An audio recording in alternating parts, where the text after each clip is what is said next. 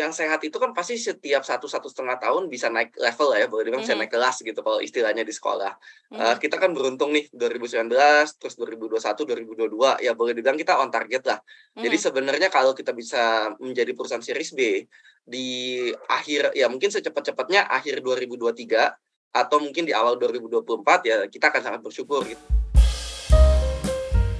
Das Podcast minggu ini bersama saya Yeni Yusra.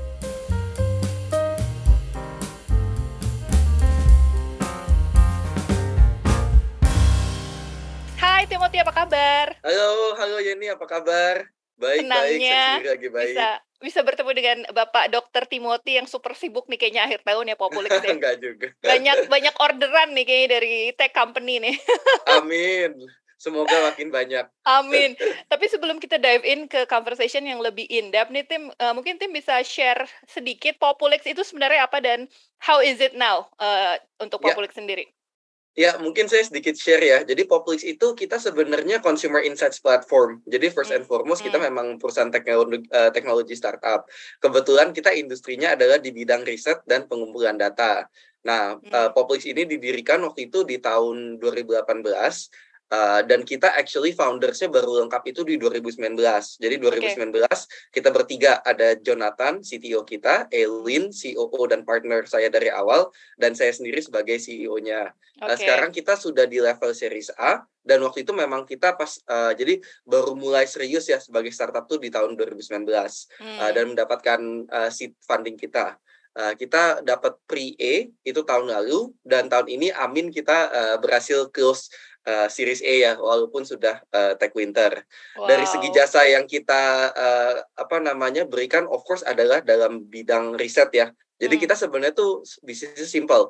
Kita membantu bisnis menjawab pertanyaan apa aja yang mereka punya mulai dari mau mengembangkan uh, bisnis mereka atau misalnya harganya pas atau enggak, saya mau expand mau expandnya bagaimana dan enggak cuma bisnis yang besar-besar doang, merek-merek gede yang kita lihat ada di supermarket, tapi visi dan misi Populix untuk mengembangkan uh, availability research, mendemokratiskan data hingga perusahaan sekecil apa pun bahkan kayak mahasiswa mau bikin skripsi itu bisa pakai kita. Nah, itulah kira-kira uh, a little bit about Populix. Seru ya tim ya kalau kita lihat kan beberapa waktu yang lalu platform lokal seperti Populix tuh kayaknya masih kalah dengan uh, platform asing yang namanya udah besar banget gitu ya.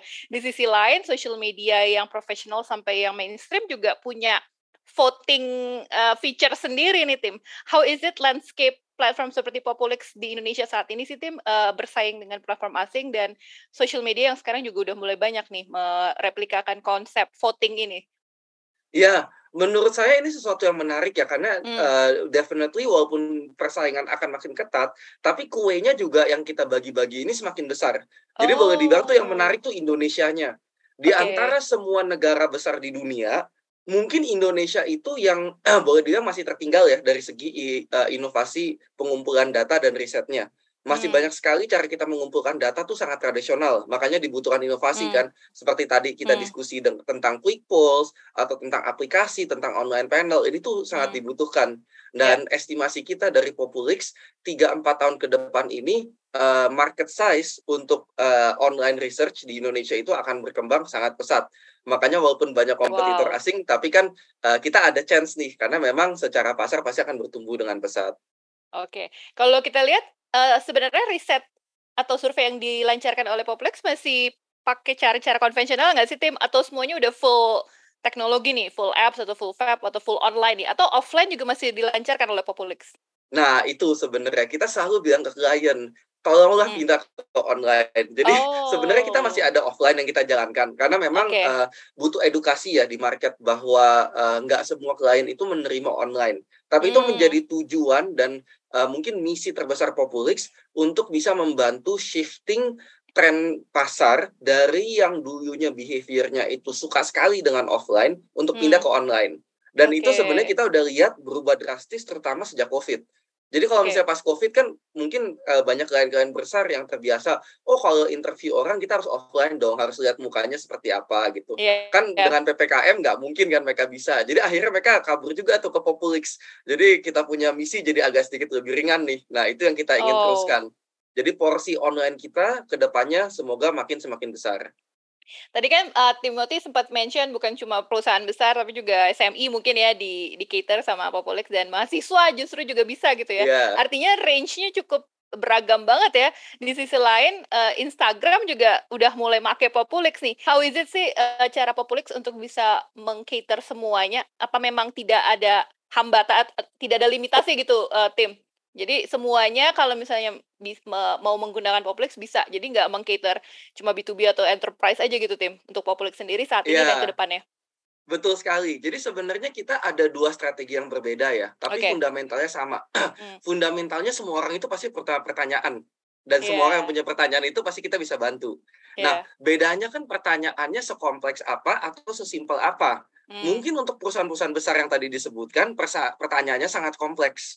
Yeah. Untuk klien-klien seperti ini ya tentunya kita kasih uh, solusinya lebih sophisticated. Jadi mungkin dashboard hmm. mereka bisa analisa statistik yang sangat dalam dan hmm. mungkin juga uh, dari segi uh, availability dari kita kita bisa bantu dengan consulting work, dengan account manager dan seterusnya yang bisa uh, membantu kebutuhan mereka yang sangat banyak.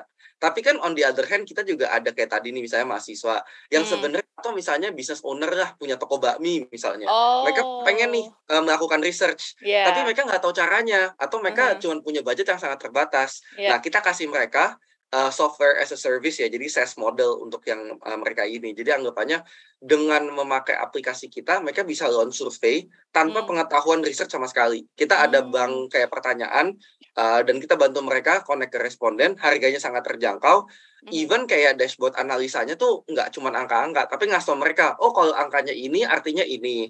Jadi kamu nextnya melakukan ini ya gitu. Jadi hmm. strateginya sangat berbeda sih. Untuk uh, apa namanya? Untuk yang uh, lebih simple ini kita memang ingin membuka pasar hmm. untuk siapa aja bisa pakai gitu. Okay. Uh, dan kita emang use case-nya menariknya beneran tuh hmm. banyak hmm. mahasiswa hmm banyak uh, small business owners, terutama F&B, itu kita kencang banget di situ. Oh. Sama yang terakhir, yang menarik tuh consultants. Entah okay. kenapa pakai kita, tapi karena mereka tuh kebutuhannya kan cepat banget ya. Misalnya mereka harus bikin report besok. Yeah. Mereka butuh survei yang simple nih, yang dalam dua jam jadi. Nah itu hmm. pakai kita juga. Uh, seru ya tim, jadi bisa di customize ya enterprise kebutuhannya apa kita bisa uh, apa yang SMI kalangan SMI juga bisa gitu. Itu ke depannya akan seperti itu, nggak akan shifting atau ngelihat pasar.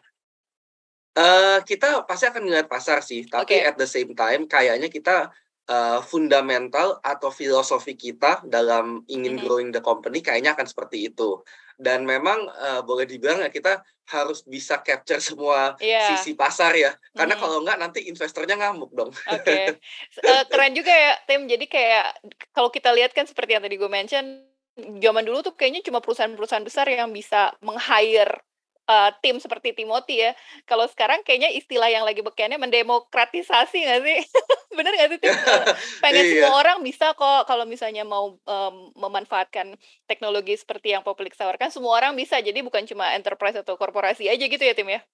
Betul, dan itu menurut hmm. saya menjadi sebuah ya mungkin ini klise banget ya pakai kata demokratisasi. Tapi at the end of the day kan ya boleh dibilang ini tuh advantage tech company gitu. Kalau yeah. kita emang mau bikin tech startup yang punya uh, apa ya competitive advantage dari segi teknologi pasti sesuatu yang harus didemokratisasikan kan yeah. makanya kalau kita lihat nih misalnya asuransi itu kan banyak tuh yang dibuka aksesnya ke semua orang health tech juga pasti ingin yeah. buka akses ke semua orang uh, edutech yeah. juga edutech ingin membuka ke semua orang saya benarnya mm -hmm. konsepnya Populix mirip cuman yang kita buka adalah data oke okay.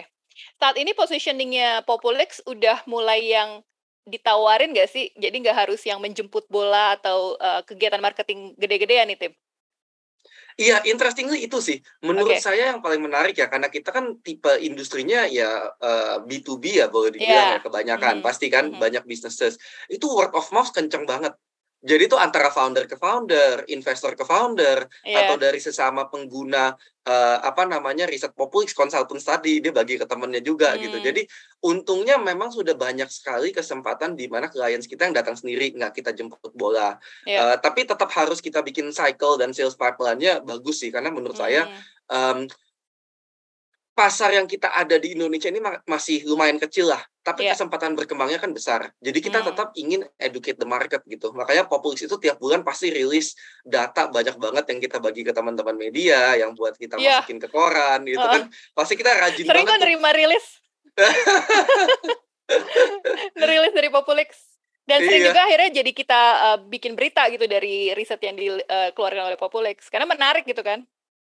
Ya, amin. Mhm. Semoga dipakai terus deh data-datanya. Kayaknya tim marketing kita happy tuh kalau denger itu. Oke, Tim. Tadi kan Timothy juga sempat, eee, mention udah sempat raise sampai ke series A ya sekarang ya, Tim, ya? Iya, amin. Kita baru series E, eee, Iya. beberapa bulan yang lalu. Sementara the startup lain sekarang lagi kesulitan nih untuk fundraising, terutama yang later stage ya. Kayaknya sekarang VC lebih Ya. fokus lebih senangnya sama yang early stage nih. Eee, strategi Timothy untuk bisa tetap memanfaatkan funding dan mungkin melakukan penggalangan dana saat ini kondisinya seperti apa sih strateginya, Tim? Apa karena memang sudah membuktikan kalau model bisnisnya sudah proven nih atau gimana? Iya, menurut saya untungnya kita, bisnis kita itu kan dari dulu boleh dibilang ya B2B, pasti lebih profitable lah ya, Oh. dan nggak bakar uang terlalu banyak. Iya. Dan keadaan pasarnya sekarang lebih banyak investor yang memang nyari perusahaan tuh yang dia mikir juga kan, kalau dulu kan, "Oh yang penting growth-nya cepet nih, oh yang penting Iya. FOMO nih, banyak yang ikutan, udah gue invest juga deh," gitu kan. Sementara sekarang kan mereka lebih hati-hati, "Oh oke, I have to do a lot of due diligence nih, bener nggak yang startup ini ngomong seperti ini? Bener nggak mereka punya pathway towards profitability? Bener nggak mereka bisa berkembang dengan, eee, produk-produk seperti ini? Nggak cuma nyari Mmm. user, karena nyari user gampang kan, tapi Iya. gimana bikin user ini bayar? Gimana cara Mmm. monetize?" Misalnya. Ya untungnya kita dari awal, dari day one Populix itu, eee, didirikan, memang semua hal ini ya karena kita B2B company, sudah ada sebenarnya. Jadi walaupun kita nggak merubah strategi, in a way ya kita sangat-sangat beruntung ya dan berterima kasih, eee, kayaknya arah anginnya nih ya dari segi investasi, itu lebih cocok ke, eee, B2B nih sekarang, yang lebih less risky lah untuk mereka. Jadi ya kita akan keep on doing yang kita lakukan sekarang, kita akan tetap berkembang, eee, ya maksudnya dengan sangat berhati-hati ya of Iya. course, eee, kita juga Mhm. lebih konservatif nih, kemarin kan kita raising ya lumayan lah cukup gitu kan, runway-nya kita pasti panjang-panjangin juga gitu, karena Iya. kita, eee, nggak tahu juga nih tech winter-nya makin parah atau enggak. Tapi ya dibandingkan startup yang lain, mungkin kita, eee, relatif beruntung ya, karena, eee, pasti hal yang kita sudah lakukan 2, 3 tahun sebelumnya, itu menjadi modal yang kita bisa pakai untuk, eee, fundraising ke depannya. Especially ya Oke. tadi tuh, soal cumulative margin, soal profitability dan seterusnya itu kan ya pasti ya walaupun kita tetap bakar uang ya, pasti jauh lebih sehat lah dibanding, Iya. eee, B2C companies. Oke. Target Populix tahun depan apa nih, Tim? Apakah gede-gedean, eee, kegiatan marketing atau meng-acquire lebih banyak, eee, enterprise atau gimana nih? Atau fundraising lagi? Wah, kalau bisa fundraising lagi sih amin sih, tapi, eee, sebenarnya tergantung metrik ya. Jadi kita Oke. kan maksudnya gini, kalau startup yang sehat itu kan pasti setiap 1, 1,5 tahun bisa naik level ya, boleh dibilang bisa Mhm. naik kelas gitu kalau istilahnya di sekolah. Eee, Mhm. kita kan beruntung nih 2019, terus 2021, 2022, ya boleh dibilang kita on target lah. Jadi Mhm. sebenarnya kalau kita bisa menjadi perusahaan series B, di akhir ya mungkin secepat-cepatnya akhir 2023 atau mungkin di awal 2024 ya kita akan sangat bersyukur gitu, tapi itu tergantung matriks tadi. Yang kita Oke. ingin achieve ya berkembang dari berbagai hal ya. Eee, mungkin garis besarnya atau yang paling kita ingin achieve adalah menjadi top of mind buat orang yang ingin melakukan research. Jadi Ya. kalau di Indonesia nggak cuman perusahaan gede, karena kan perusahaan gede pasti punya niche-nya masing-masing, tapi ya semua orang deh kalau ditanyain dap eee, perusahaan research yang kayaknya gampang dipakai, yang bersahabat di kantong, yang Yes. kayaknya cepet deh, itu siapa ya? Itu kita ingin jadi Populix. Jadi itu mungkin misi terbesar kita, eee, garis besar, eee, yang kita pengen achieve. Nah turunannya dari situ ya ada beberapa gitu. Of course ngembangin buat enterprise iya, terus ngembangin buat yang tadi nih, yang buat perseorangan, or anak-anak lagi kuliah, eee, UMKM-UMKM kecil, itu juga menjadi misi besar kita, eee, dari segi klien. Iya. Dan dari segi produk adalah untuk mengembangkan jauh lebih banyak produk lagi yang bisa membuka akses-akses ini. Jadi kayak tadi kita kan Mmm. ada produk namanya Poplight nih yang bisa dipakai, eee, secara Iya. individu ya, boleh dibilang kayak beli survei ketengan lah. Nah ini yang kita akan Mmm. kembangkan terus nih, eee, ke arah situnya. Kita juga Oke. banyak produk lagi yang menarik untuk enterprise, misalnya namanya datasets ya, eee, kita panggilnya Popvoice kalau dalam Populix itu. Itu jadi kayak semacam trend report yang bisa keep track Gen Z sama milenial itu tiap bulan ngapain sih, mereka lagi nonton siapa nih influencer-nya, mereka kalau spend uang, spend uang berapa persen dari uang jajan mereka untuk, eee, barang A, barang C, barang D, dan seterusnya gitu. Jadi, eee, banyak sih produk, mmm, jadi mungkin kalau saya boleh simpulkan ya itu sih, mungkin kita akan kembangkan, eee, lebih terhadap me-growing the business itself dari segi revenue dan clients, dan mengembangkan banyak produk-produk yang inovatif. Oke, seru juga ya soal top of mind itu juga sebenarnya mau gue mention juga nih. Tapi kalau dari uh, ekosistem startup sendiri, so far Populix masih yang mendominasi ya. Ada saingannya nggak sih platform lokal tim?